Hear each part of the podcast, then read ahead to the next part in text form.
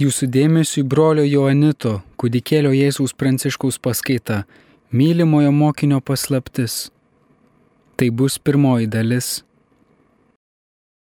Norėčiau gal pradėti panašių palyginimų, kurį Benas Ulevičius pavartojo per savo praeitą paskaitą.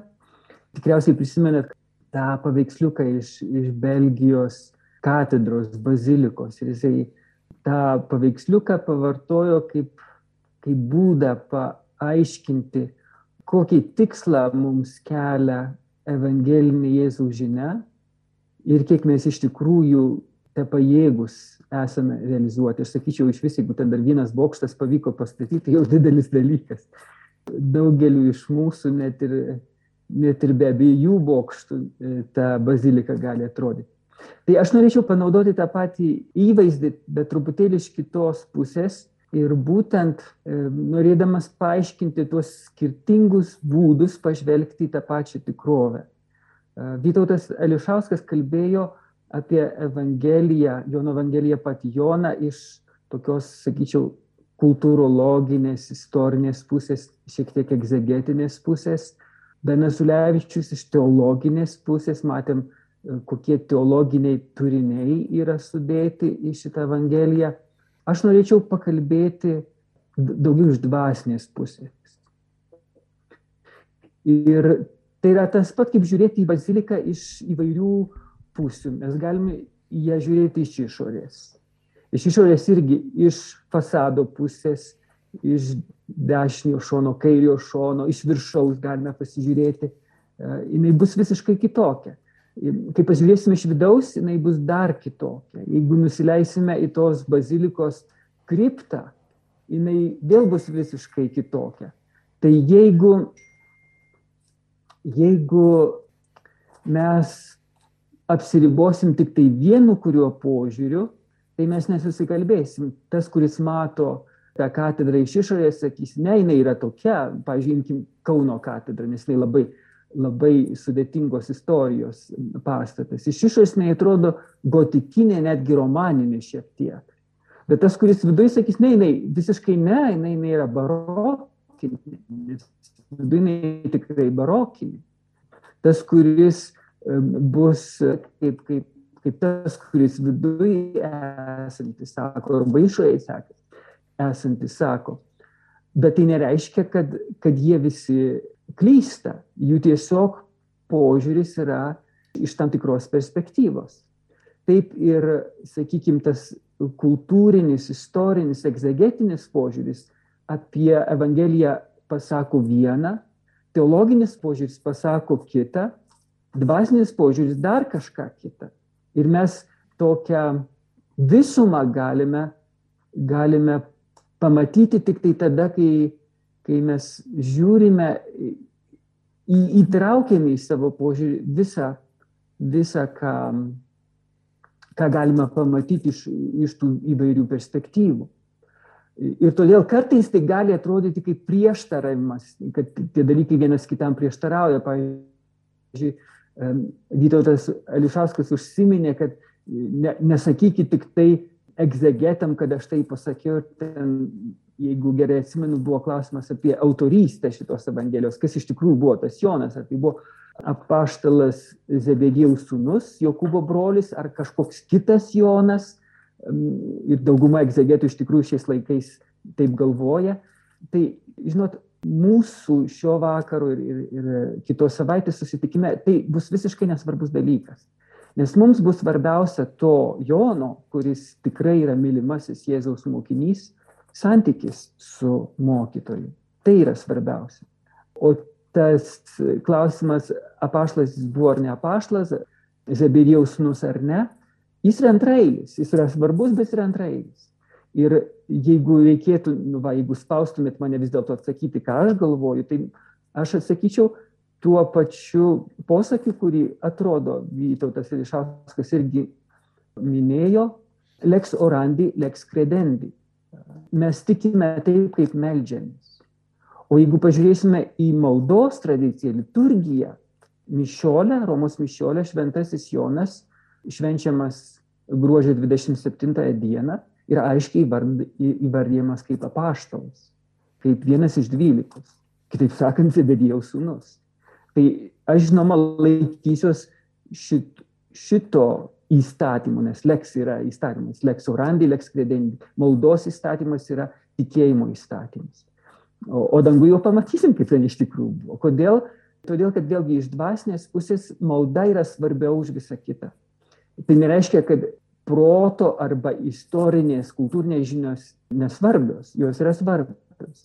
Bet dvasinėme gyvenime maldos požiūris yra svarbesnis. Net jeigu jisai ir apima ir pasinaudoja tais kitais požiūriais, kaip sakiau, tiek istorinių, kultūrinių, tiek teologinių. Matėm, kad tas tas pirmasis požiūris, kuriuo į Jono Evangeliją žvelgia Vytautas Ališauskas, yra daugiau, va, tikrai toks, sakyčiau, nes sociologinis mūsų kultūrinio paveldo, bendro išsilavinimo požiūrį yra svarbu. Tam tikrą prasme net, net ir tikėjimo ten nereikia, nes galima, galima žavėtis Šventojo Evangelija kaip literatūrinio paminklų. Yra, yra tokių žmonių, kurie be jokio tikėjimo E, gilinasi ir rašo straipsnius, labai įdomius straipsnius apie šitą, šitą Evangeliją arba bet kokią kitą šventojo rašto knygą arba visą šventąjį raštą apskritai paėmus. Su Benu Ulevičiumi mes matėm, kaip tas pats, tas pats literatūrinis paminklas, sakykim taip jau iš tos pirmosios perspektyvos žiūrint, kaip jis žvelgiant į jį tikėjimo nušviestų protų, jau nebe vien tik tai protų iš bendro išsilavinimo, iš, iš prigimtinių protų, bet tikėjimo nušviestų protų, o tikėjimas yra Dievo malonė, Dievo dovana, staiga atsiveria tokie, e, tokie nuostabus klodai, nes iš tikrųjų Benas Ulevičius labai taip giliai, gražiai, pedagogiškai, katechetiškai, ta giliausia žodžio prasme, graikiškai žodžio prasme, e, katechesis, mums parodė, kokios gelmės yra Šventojo Evangelijoje, žiūrint būtent iš iš to tikėjimo nušviesto proto perspektyvos. Tačiau vėlgi mes turime atsiminti, kad visą tai, ką jis taip gražiai mums parodė, aš esu tikras, kad visi čia esame, todėl kad tikime ir, ir norime vis giliau skverbtis į savo tikėjimo slėpinį. Mums labai, labai kalbėjo visi tie pavyzdžiai, kuriuos jis davė apie, apie logos, kuris yra visatoj, kuris yra nuo, nuo, nuo didžiausių galaktikų spiečių iki, iki mažiausių atomo sandaros, kad, kad matom tą patį, tą patį raštą, tą, patį, tą, tą pačią struktūrą atsiveriančią tikrovę. Ir mums tada yra tokia pagunda galvoti, nu tai kad čia akivaizdu, čia yra vos ne kaip įrodymas, kad tikrai Dievas sukūrė visatą ir mus pačius.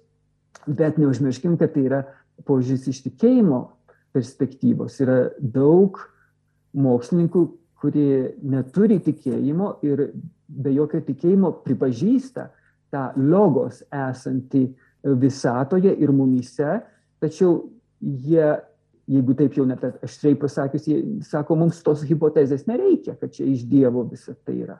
Nu taip, yra logika, yra, yra harmonija, bet tai nereiškia, kad, kad tai turi būtinai kilti iš, iš Dievo. E, nes jeigu mes įrodytume Dievą esant, nebereikėtų tikėjimo, tai, buvo, tai būtų akivaizdybė.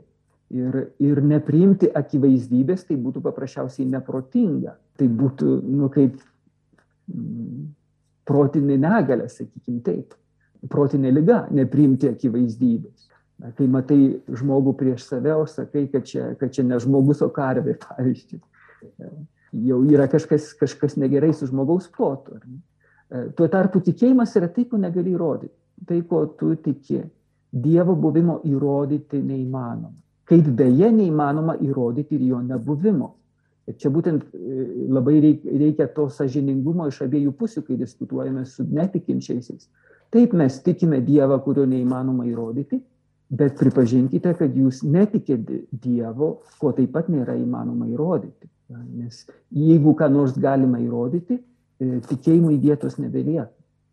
Tada lieka tik akivaizdybė arba kad Dievas yra, arba kad jo nėra. Tai čia buvo tas požiūris iš, kaip sakiau, su Benu Leidžiumi iš proto apšviesto tikėjimo perspektyvos. Tikėjimas, kuris, kaip sakiau, pirmiausia yra Dievo dovana. Ir žinoma, kad kai, kai turime tą Dievo dovaną tikėjimą, tada visą, ką mes matome tikrovėje arba šventame rašte, tikrovėje tiek visatoje, tiek save, savyje pačiuose, tiek tuose e, mikrovisatoje, makrovisatoje. E, tai žinoma, kad tie dalykai, kuriuos mes išvelgiame tikėjimo nušviestų protų, jie stiprina mūsų tikėjimą. Jie yra kaip, kaip ramstis, kaip patvirtinimas, kaip, kad, kad mūsų tikėjimas yra protingas, kad tai nėra absurdiškas tikėjimas dangiškais migdolais. Ne, kad, tai, kad, tai, kad tikrai yra pagrindas tam tikėjimui. Bet įrodyti, dar kartą kartuoju, neįmanoma. Mano požiūris per šią paskaitą ir kitą savaitę, kaip sakiau, bus daugiau iš dvasinės pusės, kur, žinoma, įtrauksime ir prigimtinį protą, ir tikėjimo malonės nušviesto proto perspektyvą, bet svarbiausiai iš dvasinės pusės yra, yra širdies perspektyva.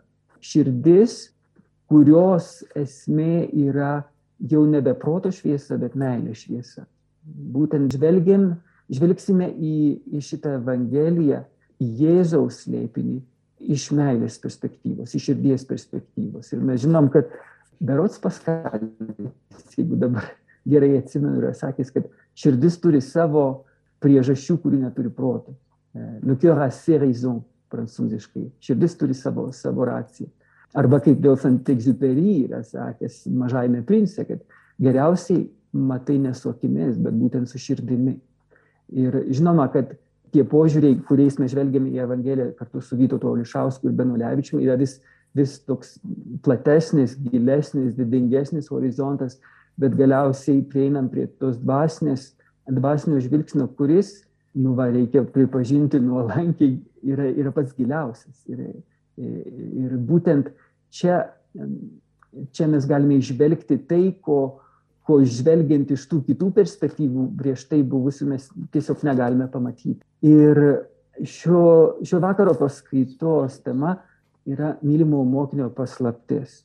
Būtent paslaptis, o neslėpinys, nes lietuvių kalboje jau keli dešimtmečiai ta perskiria tarp paslaptis ir slėpinys ne, egzistuoja ir labai džiaugiuosi, nes iki to laiko, iki, iki Lietuvos išsilaisvimo buvo tiesiog vartojamas vienas žodis paslaptis.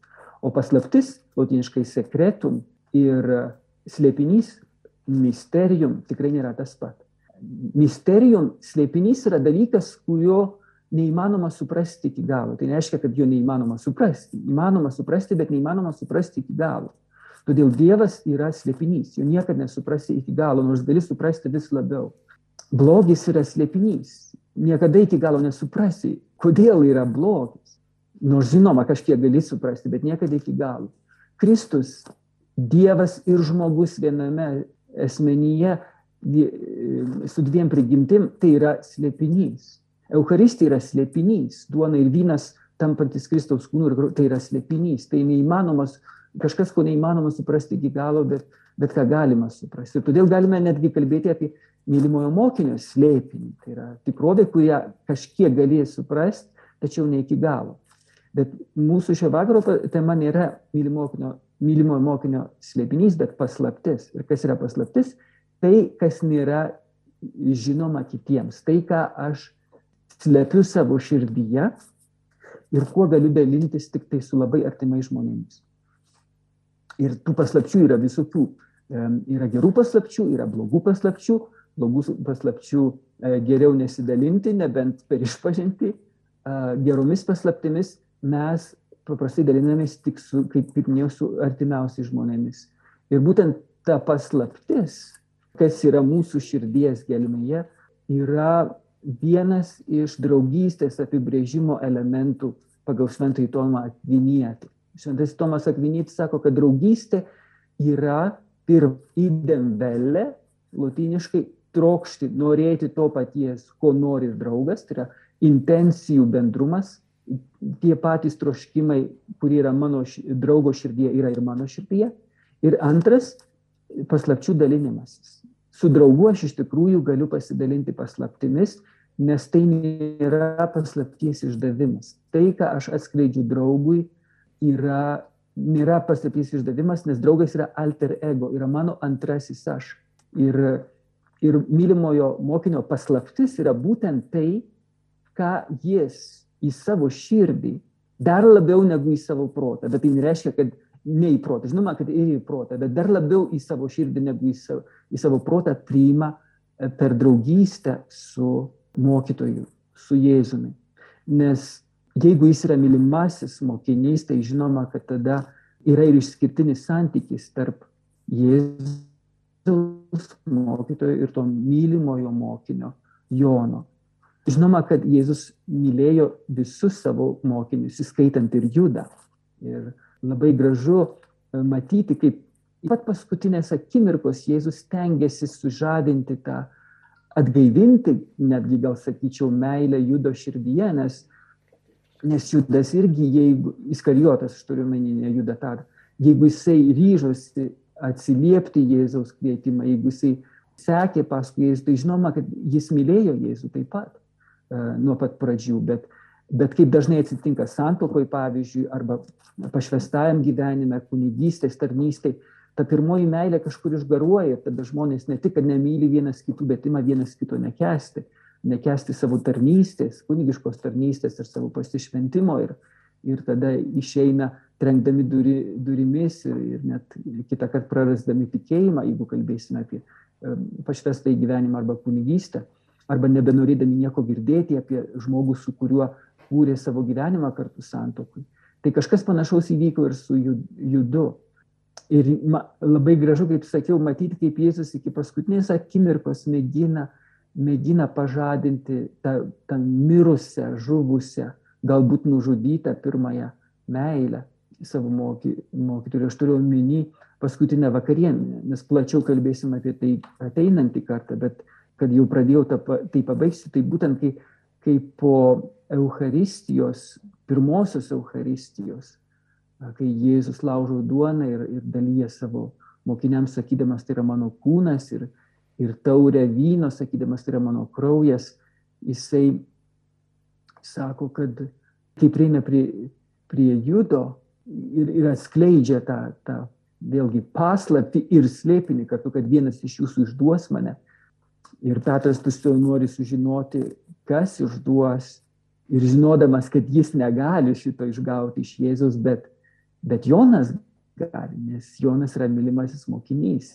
Jis yra įleidžiamas į mokytojų širdies paslaptis. Ir jis tada mostelį Jonui sužino, kas, kas jis yra. Ir, ir Jėzus duoda ženklą Jonui, tai tas, kuriam padažęs paduosiu kasnį. Ir pada, padažytą kasnį, žinoma, kad tu ne, nepaduosi į ranką, nes nu, tai šlapios kasnis. Ne? To, tokį kasnį gali paduoti tik tai į burną. O kai duodi kasnį į burną, nu, nu irgi žiūrėkit, ne kiekvienamgi paduosi kasnį į burną. Tik labai artimam, tik labai intimiam žmogui tai gali padaryti. Motina savo vaiką maitina taip. Įsimylėliai vienas, kina, vienas kitą taip maitina. Ne, nepaduosigi žmogui gatvėje kasnio į burną. Ir, todėl ta, tas komunijos prieimimas į burną, e, kaip jau yra keli daug, daugelis amžių katalikų, lotynų bažnyčios apeigose, tai irgi išreiškia būtent tą nepaprastą intimumą ir artumą, kuris yra tarp Kristaus kunigo asmenyje ir priimančiojo, kuris yra kaip mylimasis mokinys, arba kaip judas, jeigu jisai priima nevertai. Tai matom, kad iš tikrųjų, kad Jėzus kiekvieną, kiekvieną mokinį myli, tačiau kad, kadangi jis yra ne tik Dievas, kuris visus myli vienodai, tik tai mes ne visi vienodai priimame tą meilę. Mes meilę priimame tiek, kiek atsiveriame jai. Sakykime, jeigu toks palyginimas jeigu žmogus užsidangstęs visas langines ir užsidaręs visas duris ir sako, kad tamsu ir nėra jokios saulės, tai nereiškia, kad saulės nėra.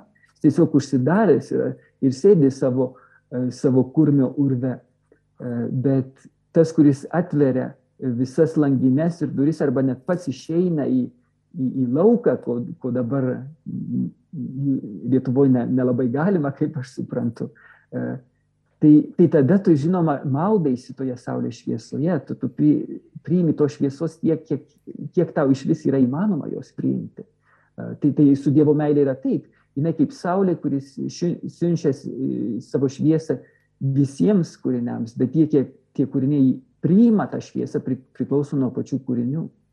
Tai žinoma, kad Jėzus kaip Dievas, jis myli tokią meilę visus ir savo mokinius, 12 paštalų ir platesnį mokinių ratą, e, tuos 70 mokinių ir, ir, ir šventasis moteris ir, ir kiekvieną iš mūsų, e, tiek per tuos bažnyčios amžius jau gyvenusių Kristaus mokinių, tiek šiais laikais gyvenančių, tiek dar gyvensančių iki pat pasaulio pabaigos. Tai čia žiūrint iš tos Jėzus kaip Dievo meilės perspektyvos, bet Jėzus taip pat yra tikras žmogus. Ir kaip žmogus, jis savo žmogišką širdimi, žinoma, kad labiau mylėjo vienus žmonės negu kitus. Sakykime, jis labai mylėjo ir, ir fariziejus, ir aštų aiškintojus. Ir būtent iš, iš meilės jiems jis taip, taip aštriai jiems juos barė. Jums raštų aiškinti ir fariziejus, kaip pabaltinti heiteris, kaip dabar jau tas svetimžodis yra įprastas vartoti lietuvių kalboje. Ne, jis tai sako iš meilės. Nes jis, tai yra tarsi žinot, kai, kai žmogus dvasiškai, na, aš jau sakau dvasiškai, kai žmogus miršta, jam reikia, reikia tokio sukrėtimo ir, ir dažnai, kai stoja širdis, yra va, tas elektrinis smūgis, tai pažadinti vėl širdį ir atgaivinti, sugražinti žmogų į gyvenimą. Tai taip yra su ta dvasinė mirtimi, kurią Jėzus mato ir jis, jis nu, va, taip va, nori supurtyti tuos, tuos mirštančius dvasiškai fariziejus ir, ir rašto aiškinti, nes jis juos myli. Žinoma, kad jis nori, kad jie grįžtų, grįžtų į, į tą tikrąjį gyvenimą, Dievo gyvenimą.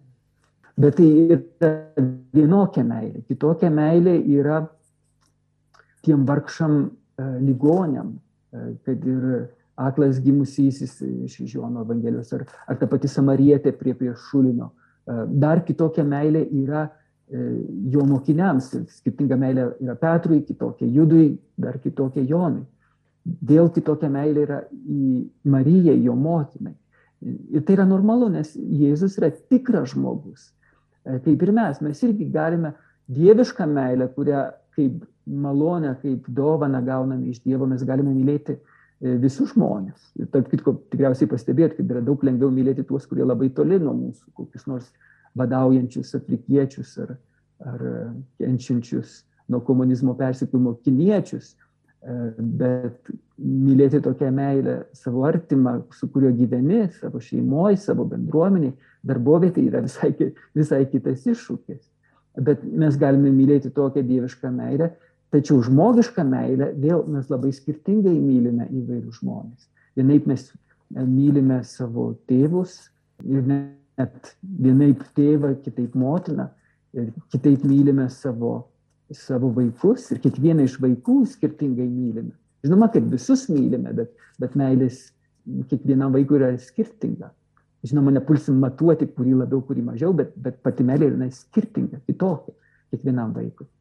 Dar kitaip mylim savo sutuoktinį, dar kitaip mylim savo, savo draugą ar draugę. Ir tie draugai irgi vėlgi skirtingai yra mylimi pagal jų skirtingus interesus ir sugebėjimus ir ypač sugebėjimą priimti va, būtent tą mūsų širdies paslaptį ir jų sugebėjimą trokšti to paties įdemvelę. Ir todėl šventasis Tomas Akvinietis, jis klausia, save, klausia iškelia tokį klausimą, kodėl Jonas buvo mylimasis Jėzaus mokinys. Ir jis duoda atsakymą iš pagal tris tris bruožus. Pirmiausiai dėl to, kad Jonas buvo aštraus skvarbaus proto. Ir, ir mes būtent pabandysim pasižiūrėti, kaip labai skiriasi Jono Evangelija nuo kitų, būtent todėl, kad jo, jo yra toks išbalgus protas. Ir jeigu jo protas yra toks išbalgus, tai būtent todėl, kad jo meilė yra karšta. Jeigu jūs pažvelgsite į savo pačių patirtį, kai, kai kalba koks nors žmogus, nu, bilekoks, ar ne, kaip sako Lietuvoje. Jūs dažniausiai pro vieną ausį leisit, tai kai sakot, pro kitą išleisit. Nebent jis kalba, ką nors labai svarbaus jums ir tada jūsų, jūsų reakcija gali būti labai įstringa ar labai um, audringa, griežtai ne arba griežtai taip. aistrų ir, ir na, va, tokio proto lygmenį.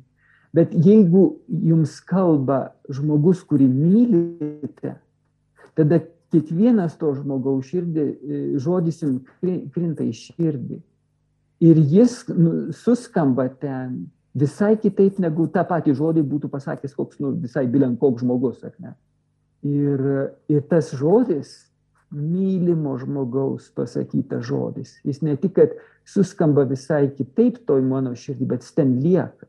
Jis ten lieka ir ten skamba ir yra saugojamas.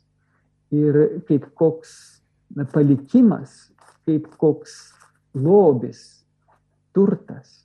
Ir, ir tada jis prie jo nuolat grįžti prie tų žodžių. Jisai, jisai nušvinta naujom spalvom, atveria naujas prasmes, kurių anksčiau gal ne, ne, nebuvai pastebėjęs.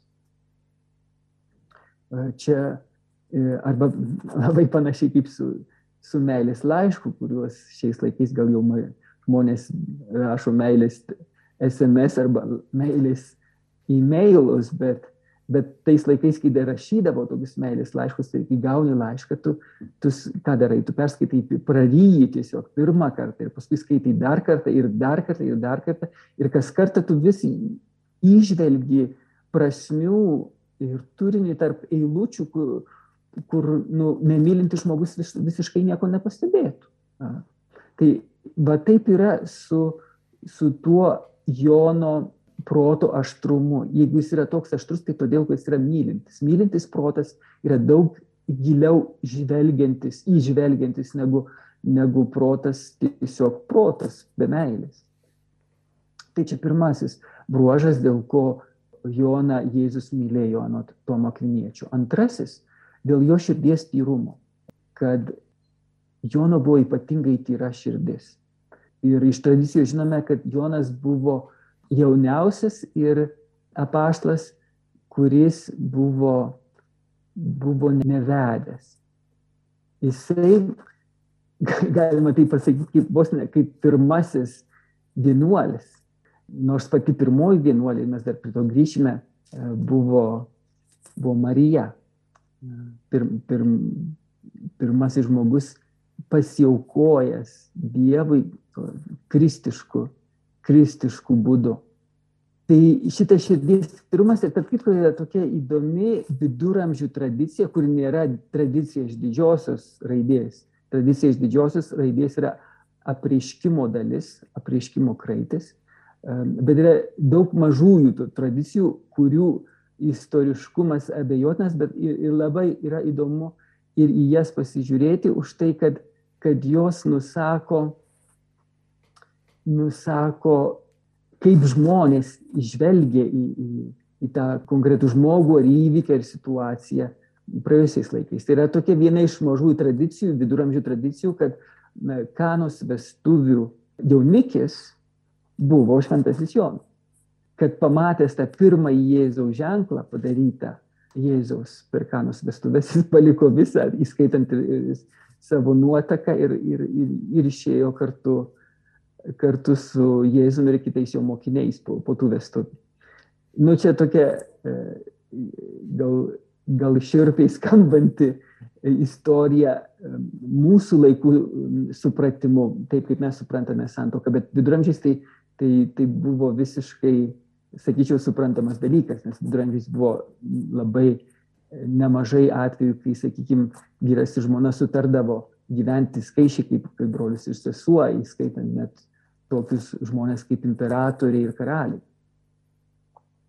Tai žvelgiant į, į šitą, į antrąjį bruožą, kodėl Jėzus mylėjo Joną ypatingą meilę, tai būtent jo širdies tyrumas. Jis, ir širdies tyrumas nėra pirmiausiai siaurąją prasme, ta prasme, kai mes sakom, kad netyra žvilgsnis, tai tai gedulingas, gašlus žvilgsnis, bet platesnė prasme.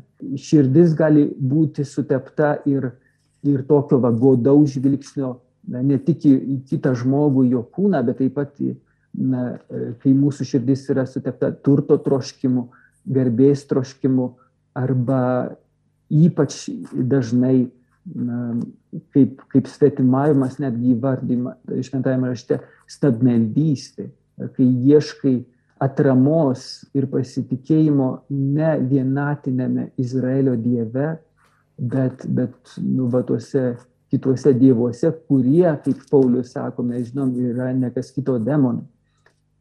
Va tokia yra netyra širdis.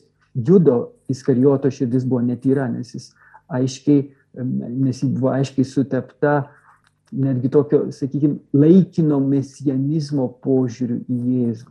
Nes jis norėjo, ir yra netgi viena tokia versija, kodėl jis išdavė Jėzų, tai būtent jis norėjo priversti, parodyti savo, savo dievišką galybę ir, ir, ir, ir tokiu būdu įkurti, atkurti Izraelio karalystę, kaip Davido palikuonės. Tik tai pamatęs, kad visiškai nesidaro taip, kaip jisai tikėjosi su savo politinėmis machinacijomis, Judas poliai neviltinis, užuot parodė savo dievišką galybę ir, ir, ir nuvertęs visus savo priešininkus, nors tarp kitko pačioj pradžioj, kai ateina aukštųjų kunigų tarnai su, ro, su romiečiais kareiviais suimti Jėzus, pirmiausia taip ir vyksta, jis iš juos visus, jie visi parkrinta, tarp kitko pagal Jono evangeliją žiūrint.